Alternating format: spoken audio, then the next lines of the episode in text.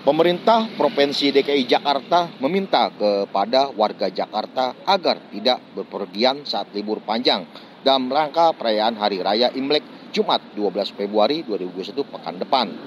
Gubernur DKI Jakarta Anies Baswedan mengatakan meminta kepada seluruh masyarakat untuk memanfaatkan libur ini bersama keluarga di rumah dan mengurangi kegiatan bepergian kecuali ada kebutuhan mendasar dan mendesak.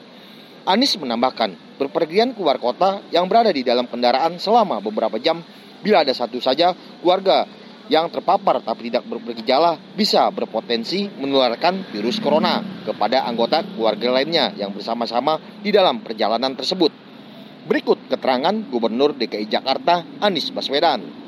Beberapa hari ini lagi kita akan ada libur panjang. Kita menghimbau kepada seluruh masyarakat untuk memanfaatkan libur ini untuk bersama keluarga di rumah, mengurangi kegiatan bepergian kecuali ada kebutuhan mendasar dan mendesak. Bila tidak mendasar, tidak mendesak, maka kurangi bepergian. Apalagi bepergian ke luar kota yang berada di dalam kendaraan selama beberapa jam. Bila ada satu saja di antara anggota keluarga yang terpapar tapi tak bergejala, dia punya potensi menularkan kepada anggota keluarga lain yang bersama-sama di dalam perjalanan panjang itu.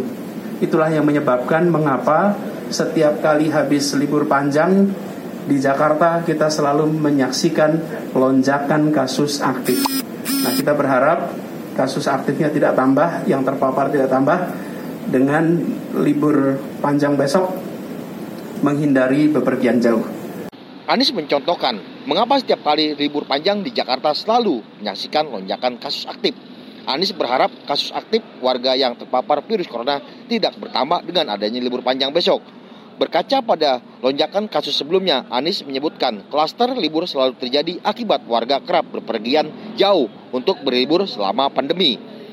Dari Jakarta, Edi Suroso melaporkan.